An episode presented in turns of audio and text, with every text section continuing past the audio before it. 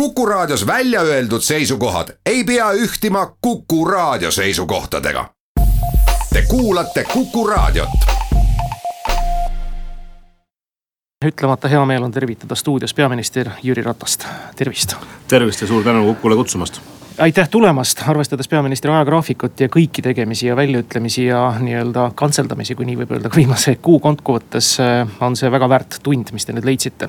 Jüri, alustame kohe, haarame sarvil härjal sarvist ja räägime korvpalliterminites. valitsusel on läinud selles mõttes hästi, et riigieelarve strateegia, väga suur dokument on paika saanud. teisipidi on nüüd meil teadmine, et kaks ministrit on vahetumas, kasutades korvpallitermineid, meeskond on teil juhtimas kaptenina, aga kaks olulist mängijat on kukkunud viie veaga pingile. kas te vaatate meeskonna pudenemist murega?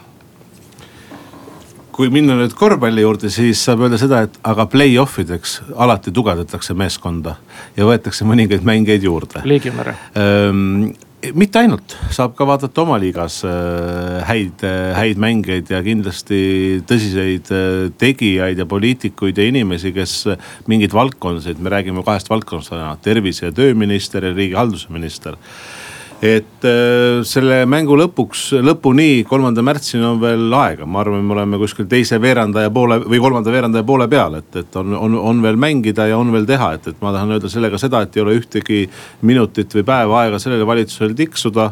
Äh, kindlasti tuleb äh, väärikad inimesed leida valitsusse ja tuleb leida inimesed, kes võtavad esimesest päevast motivatsiooni ja töötahtega oma, oma tegevusi, et kas see on hea, et nii palju ministreid vaheldub, et või vahetub, et alati võib öelda, et et mida vähem, seda parem, samas on olemas ju konkreetsed põhjused, et nagu me teame, et Jaak Aabi põhjus tagasiastumisel oli äh, rikkumine, oli alkoholi nähtudega vahelejäämine ja see oli ainus võimalus teha poliitiline otsus ja võtta vastutus.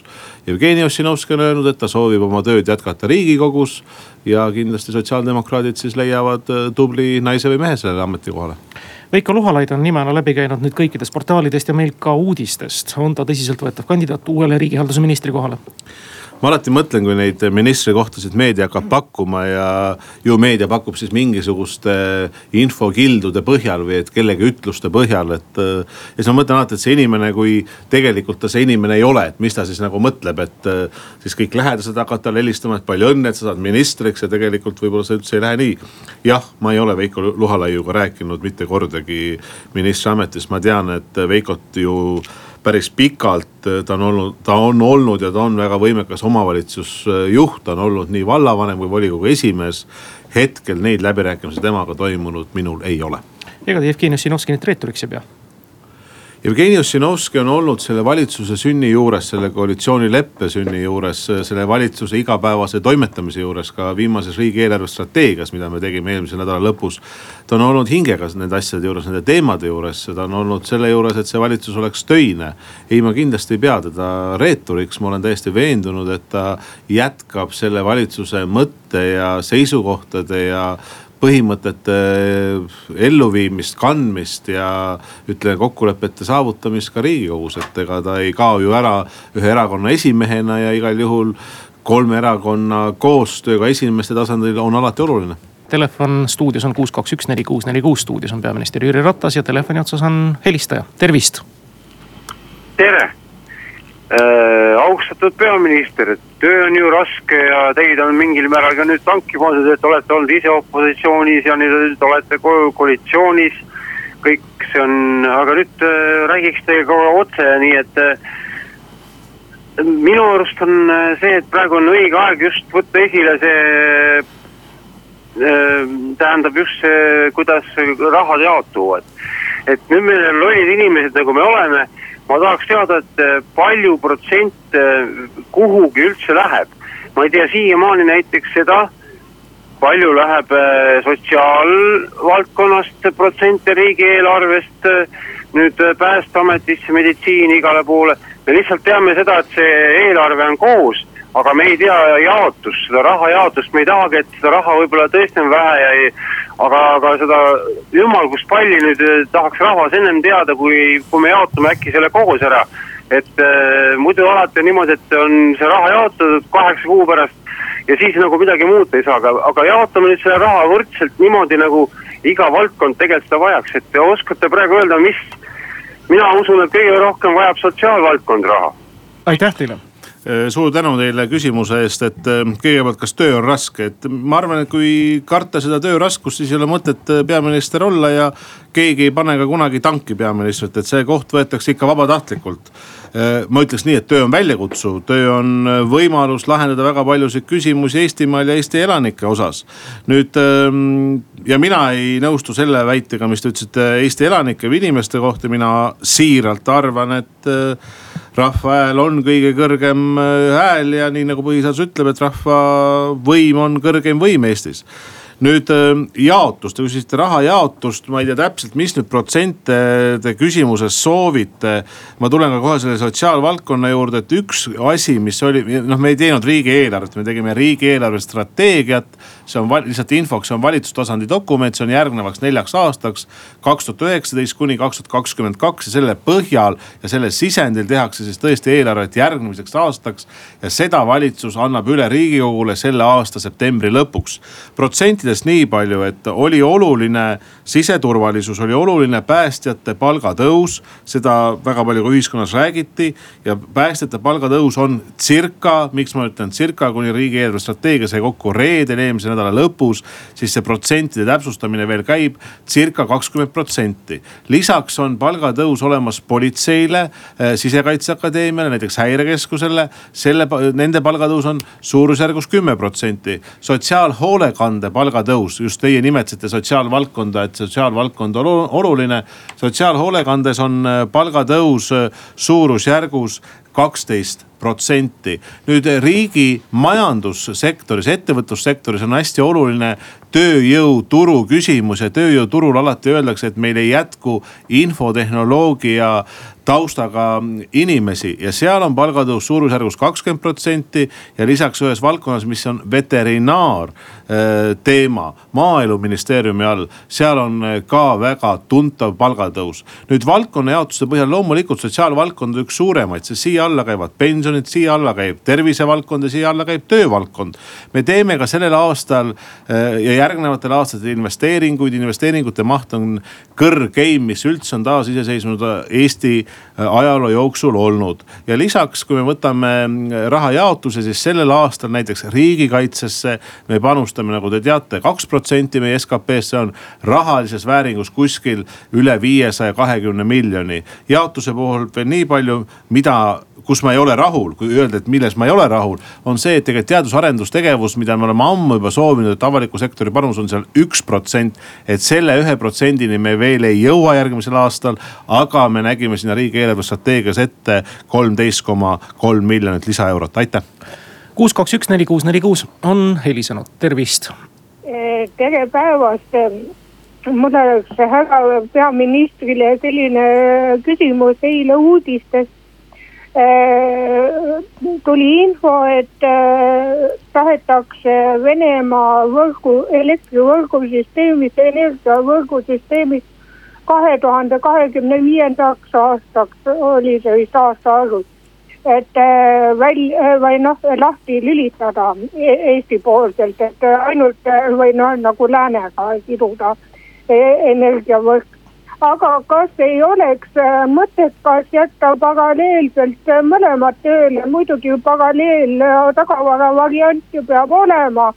aga kuni seniks, kuni Venemaa ise välja tõesti kunagi peaks lülitama. et kas see ei oleks mõttekas ja, ja turvalisem ja, ja kindlam, et kuni Venemaa ise siis sel juhul välja lülitab, aitäh. suur tänu teile proua selle väga olulise küsimuse eest, see on näiteks üks väga selge Eesti prioriteet järgnevaks eelarveperioodiks, kui me räägime läbi Euroopa Liiduga, see on siis kaks tuhat kakskümmend üks ja pluss.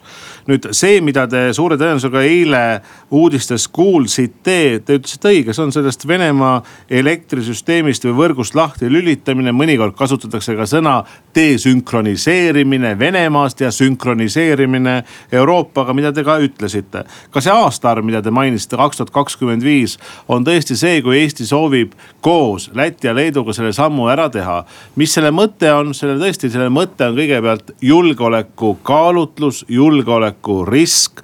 ja me soovime seda, et meie elektrisüsteem oleks ühendatud Euroopaga täna on kolme Balti riigi süsteemid ühendatud Venemaa ja Valgevenega ja neid ühendusi on rohkem kui viis-kuus. nüüd ähm, kõigepealt on oluline see, et kolm Balti riiki oleks ühisel positsioonil Eesti, Läti ja Leedu. Äh, mulle tundub, et see ühine positsioon on saavutatud, hetkel käib siis niinimetatud TSO-de poolt või ütleme siis kolme Balti riigi poolt analüüs, mitme ühendusega peaks olema ühendus Leedu ja Poola vahel. see on esimene analüüs ja teine analüüs on see, et mida peab Eesti, Läti ja Leedu oma siseturul tegema taristu uuendamiseks ja võib-olla ka uuest, uue taristu rajamiseks. Eesti positsioon, te tundsite siin muret selles osas, et kas võiks see ühendus jääda ka Venemaaga kestma, et oleks see niinimetatud paralleelne või alternatiiv. ei, seda meie ei soovi, küll Eesti positsioon on see, kus me täna tahame läbi rääkida, et Leedu ja Poola vahel oleks kaks alternatiivset äh, kaablit, et kui ühega midagi juhtub, siis teine töötab. ja need uuringud, nüüd needsamad TSO uuringud, mida ma mainisin, need peaksidki seda lähi kuu aja jooksul välja selgitama, et missugune ühendus on kõige õigem Leedu ja Poola vahel, aitäh. kuus, kaks, üks, neli, kuus, neli, kuus, enne pool tundi jõuame ühe kiire küsimuse vastu võtta, tervist. Tere veel kord, ma veel kord vabandan. aga esitage konkreetne küsimus. siis see, selle ikkagi selle skp, ütleme, tähendab selle raha kohta, et põhimõtteliselt, kas on võimalik ümber jagada neid äh, asju veel koos rahvaga, et vaatame üle, et kui palju läheb sellest eelarvest, mis meil on ringis, et äh, sinna protsentidena ja, ja ikkagi nagu otse inimestele, mitte siin suurprojektide jaoks, vaid otse palkade ja otse, aga lihtsalt ümber jagada see meie eelarve nii, et koos, et ei oodata pärast kaheksa kuud, et ja teine asi, see Venemaa tahab kindlasti sealt äh, Balti mere kaudu ka veel seda turgu kätte saada, meil on Soomega see Esprom kaks või tähendab see gaasitorude kaks, aga aga Läänemerd me peame hoidma kaupade jaoks Hiinaga, et see on väga positiivne, toob Eestile raha sisse. aitäh teile aitäh, ma ütleksin niiviisi, et kõigepealt riigieelarve, see on ainult ja ainult tänu ju Eesti inimestele, tänu Eesti maksumaksjatele. ja nii palju, kui me suudame oma riigis tootlikkust kasvatada, jõukust koguda, annab see võimaluse tõesti teha erinevate prioriteetide rahastamist. see, kuidas seda ümber jagada, minu meelest palju olulisem küsimus on see, kuidas me suudame oma majanduspotentsiaali tõsta, kuidas me suudame Eesti jõukust tõsta. see, et rääkida läbi rahvaga ma usun, et kõik poliitikud, kes tegelevad eelarve küsimusega nii riigikogus kui valitsuses, võimalikult palju suhtlevad Eesti elanikega. ma arvan, et teil läks lihtsalt siin eh, keel sõlme, te ütlesite Balti meri. ma lihtsalt täpsustan, et ju te mõtlesite Läänemerd eestikeelses kontekstis, Balti merd ei ole olemas. ja teine, mis te tahtsite öelda, vist see Estlink üks ja Estlink kaks kaablid nii et eh, need, eh, need on siis hetkel töös, aga jah, see eelarve, ütleme prioriteetide väljatoomine, see, see sünnibki läbi riigieelarve strateegia ja läbi siis riigieelarve, mille võtab vastu riigikogu meil on hea meel võõrustada jätkuvalt stuudios peaminister Jüri Ratast ja telefonil võõrustada häid kuulajaid ja küsijaid. ja ongi helistaja liinil, tervist. tervist, teie valitsuse äh, üks peamisi loosungeid või eesmärk on olnud võistlus alkoholismiga, sellega kaasnevad igasugused aktsiisitõusud. Äh, Jaak Aab on nüüd Jüri Ratase valitsuse kolmas roolijoodik. Äh, Margus Tsahkna on lahkunud. Jaak Aab lahkub, üks roolijoodik, ainus siseminister Euroopa Liidus, selline Andres Anvelt jääb. kuidas te kommenteerite, et kuidas on noh sattunud selline erakordselt kõrge roolijoodikute kontsentratsioon teie valitsusse ja kas see ei näita kogu seda teie ühte peamist võitlust või vaenlast nagu kuidagi koomilisest vaatenurgast? jah, ma, ma tänan teid äh, kõigepealt küsimuse eest, et ma tulen selle alkoholiaktsiiside juurde, et äh, punkt üks, äh, see alkoholiaktsiisi poliitika, selle soov on olnud ju see, et inimesed tarbiksid alkoholi vähem tõsi, läbi selle me näeme, et juba eelmise valitsuse ajal, kui oli peaministriks Taavi Rõivas, on äh, hakanud käivituma piirikaubandus. on ka hakanud käivituma see, et Soome äh, elanikud, Soome turistid ostavad vähem alkoholi Eestist. Ka see valitsus on aktsiise tõstnud. nüüd eh, viimased otsused on olnud, eh, pärinevad eelmise aasta sügisest, kui me võtsime vastu valitsuses eh, riigieelarve ja saatsime selle riigikogu poole, kus me vähendasime siis kaks tuhat kaheksateist teisest veebruarist poole võrra alkoholiaktsiisi tõuse nii lahjale kui kangele alkoholile ja tõsi on see, et kui poleks seda vähendanud, siis kange alkohol selle eelmise valitsuse otsuse põhjal oleks olnud kõrgem.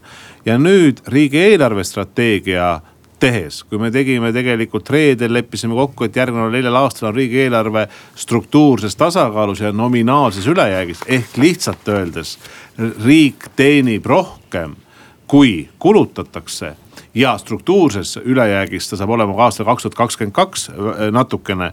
siis me tegime otsuse, et alkoholiaktsiisi tõus kaks tuhat üheksateist esimene jaanuar jääb ära. nüüd need kolm roolijoodikut, äh, ma ei saanud päris täpselt aru, mida te selle all äh, mõtlesite, ma saan aru, et te mõtlesite Tsahknat, kes ei ole valitsuse liige ja kes lahkus tänu sellele, et IRL-ile tuli uus esimees Helir-Valdor Seeder, kes moodustas uue valitsusdelegatsiooni ja valitsusest pidid lahkuma Sven Sester, Margus Tsahkna Tsahkna ja Marko Pomerants. ja uued ministrid on siis Toomas äh, äh, Tõniste, Siim Kiisler ja Jüri Luik. nüüd äh, Jaak Aabi osas ma oskan seda öelda, et Jaak võttis ju vastutuse ja ma ütlesin ka eile meediale, et siin mingit õigustust ei ole. ükski inimene ei tohi istuda alkoholi tarvitatu, alkoholi tarbinuna sõidukirooli, nii et ma mõistan igal juhul sellise käitumise täielikult hukka ja. ja Jaak on võtnud väga konkreetse ka poliitilise vastutuse, astunud tagasi. ma saan aru, et teie väide siis tänase siseministri, endise kaitseministri, riigihalduse ministri osas on see, et, et erinevatel eluetappidel on olnud neil mingisuguseid rikkumisi sel teemal. aga ma ei saa öelda, et see on selles valitsuses olnud, aitäh kuus, kaks, üks, neli, kuus, neli, kuus on taas helisenud, tervist. Eh, tere jälle, ma enne ka helistasin, noh eh, tähendab eh, see, aga ma jätaks ikkagi selle elektrivõrgu väljalülitamise või lahti haakimise venelaste enda teha.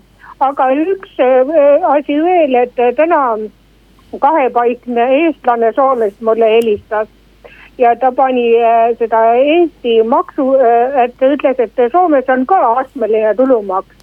aga miks, et Eestis nii keeruliseks on see aetud, et seal tegeleb äh, tulumaksu mahavõtmisega maksuamet, et, et miks on pandud nüüd Eestis nii keeruliseks, et see et inimesed peavad ise sellega tegelema, et Soomes küll selliseid rumalusi, vabandust väljenduse eest välja ja mõelda mm. -hmm. aitäh proua. kas ei oleks mõttekas see, see tagasi viia, nagu oli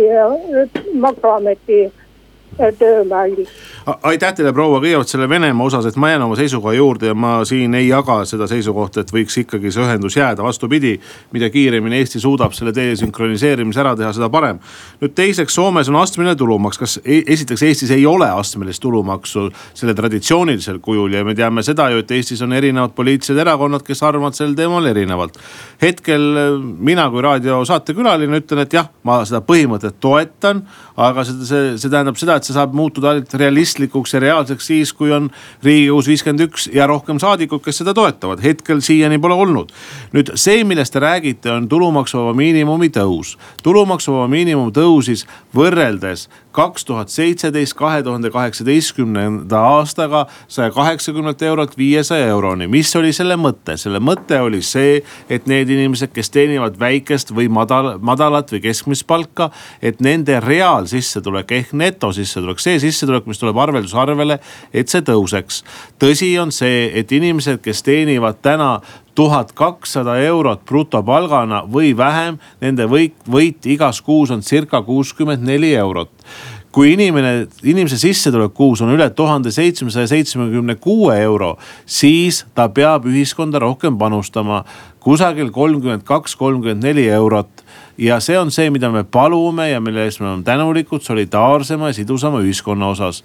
nüüd järgmine grupp on siis pensionärid kelle sissetulek sõltub äh, palgast ja pensionist. ka siin on see murdepunkt inimpensionäridele.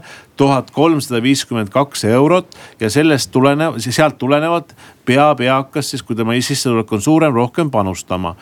ja ka need pensionärid, kelle äh, sissetulek on üle kahe tuhande ühesaja euro, meil on neid Eesti ühiskonnas, sotsiaalkindlustusameti äh, arvutuste alusel eelmisel aastal on neid eakaid kuskil kuus ja pool protsenti, üle neljakümne protsendi sellest tulumaksu uuest reformist võidavad ja viiekümne protsendil ei muutu midagi. see oli see soov, et Eesti ühiskond muutuks rohkem võrdsemaks. tööealisest elanikkonnast on inimesed, kes teenivad tänu tulumaksuvaba miinimumi tõusule rohkem circa kaheksakümmend protsenti. kuus, kaks, üks, neli, kuus, neli, kuus on vastu võtnud järgmise kõne, tervist. tervist, et lugupeetud peaminister, et kuidas teie suhtute maksuameti nii-öelda rusikaviibutusse mikroettevõtete suhtes, jutt käib siis miinimumpalgast ja dividendide maksmisest et, et kui nüüd nagu maksuametil on mingeid probleeme või pretensioone, et äkki oleks mõistlik step by step, et on kõigepealt maksuamet teeb mingisugused seadusesse mingisugused muudatusettepanekud.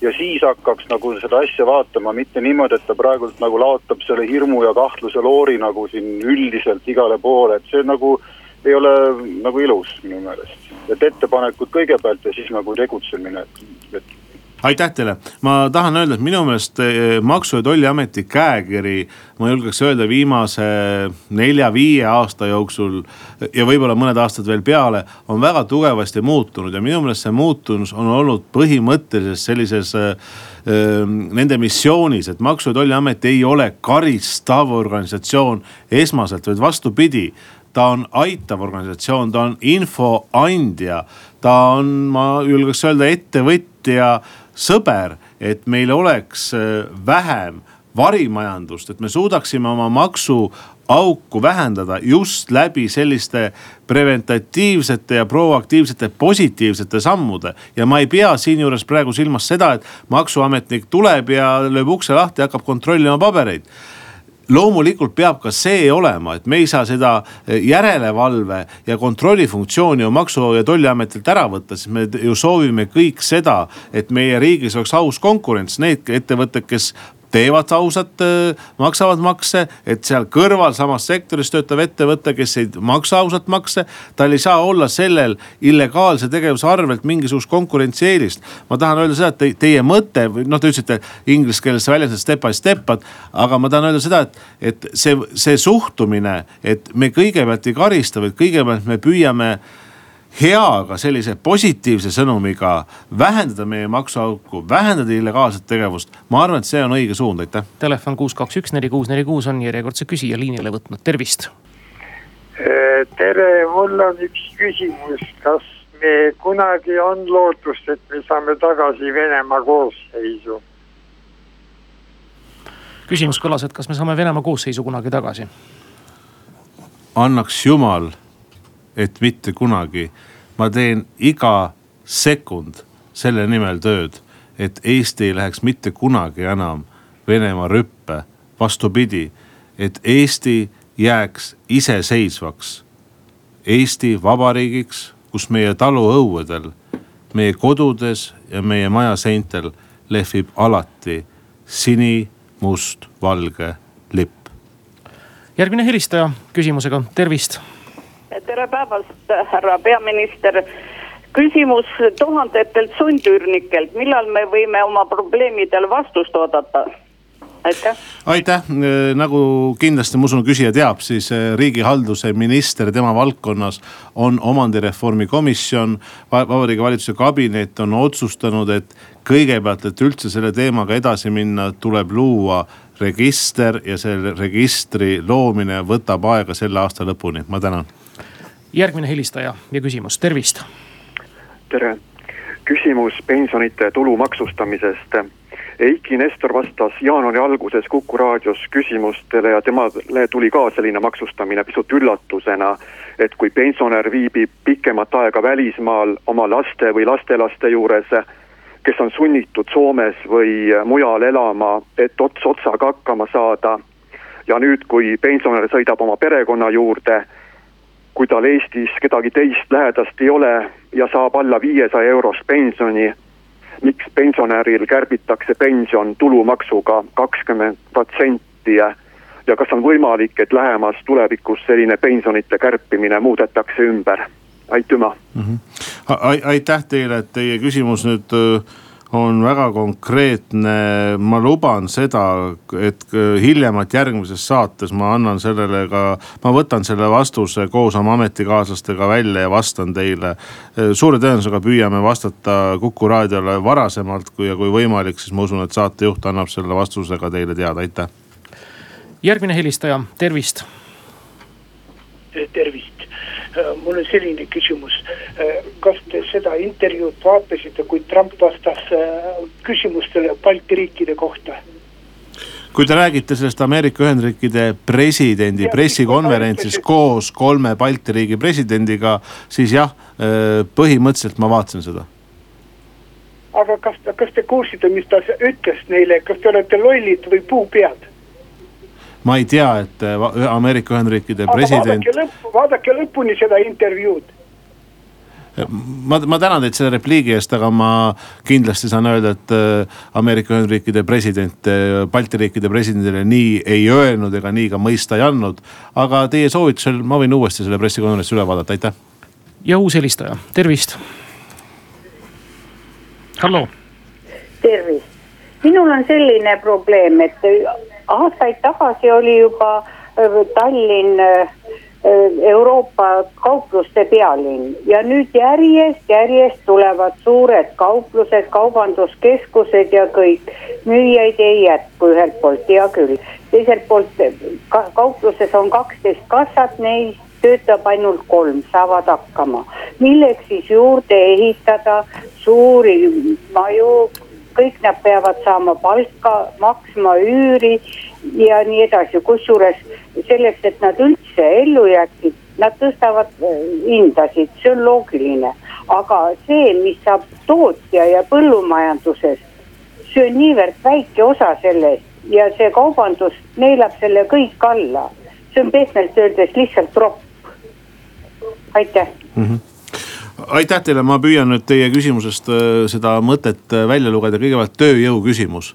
et tööjõu küsimus on kindlasti Eesti ettevõtluskeskkonna hetkel üks olulisemaid murekohti. Ehk tööjõu defitsiit ja puudus, eriti oskustega inimeste puhul, aga ma ütleksin ka tööjõu küsimus laiemalt. noh, teie toote siin välja kassiirid ja kaupluste teenindajad. see on see koht tegelikult, ma arvan, kus me kõik peame pingutama selle nimel, et Eesti elanikud, kes siit Eestist on läinud välja elama, tuleksid siia tagasi. et neil oleks olemas elukoht, kust tulla, neil oleks olemas töökoht, kust tulla ja kui nad tulevad tagasi siia oma perega, et neil oleks ka lastele pakkuda kas kooli või lasteaia kohta, nii et sellega tegelemine, et Eesti tööjõuturu hõivet parandada just nende Eesti inimeste osas, kes siia tagasi pöörduvad, on minu meelest esmane ja hästi oluline. see, et meie suurtemates äh, kaubanduskeskustes ja toidupoodides on tekkinud need niinimetatud iseteeninduskassad mina ütleks, et see on päris mugav, et see on alternatiivi võimalus, et ka mina isiklikult kasutan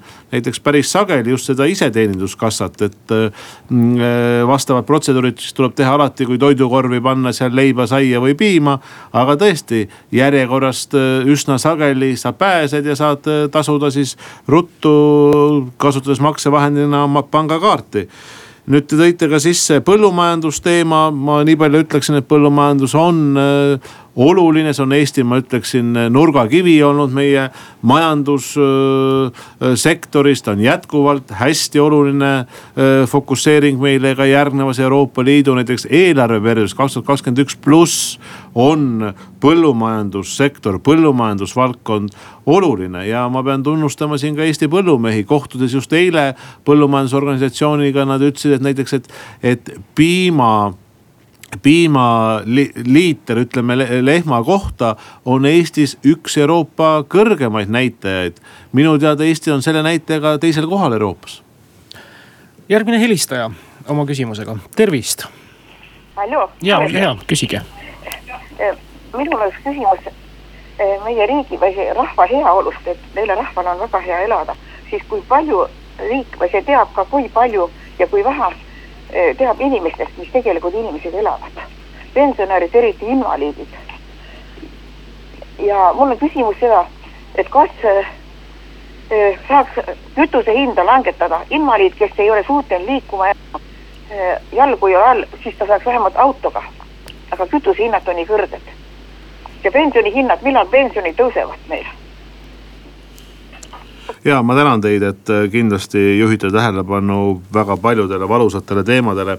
kõigepealt, kas äh, kuidagi te küsite, kas on teada, kuidas elavad pensionärid ja kuidas elavad äh, erivajadustega inimesed, et vastus on, et loomulikult on teada, et ka ju valitsuse liikmed, ka riigikogu liikmed on oma sõpruskonnad, sugulased, pered ja ka seal on kindlasti inimesi, kes on täna eakad või kellel on teatud erivajadused.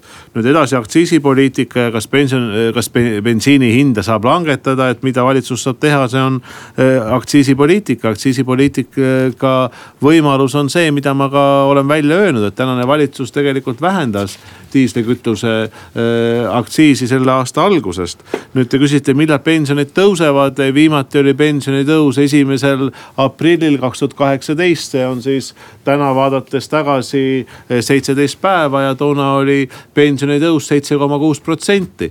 Eh, see andis seal kuskil tööaastast nelikümmend, nelikümmend või tööstaažiga nelikümmend kuni nelikümmend neli aastat. suurusjärgus juurde kakskümmend viis kuni kolmkümmend kaks, kolm eurot.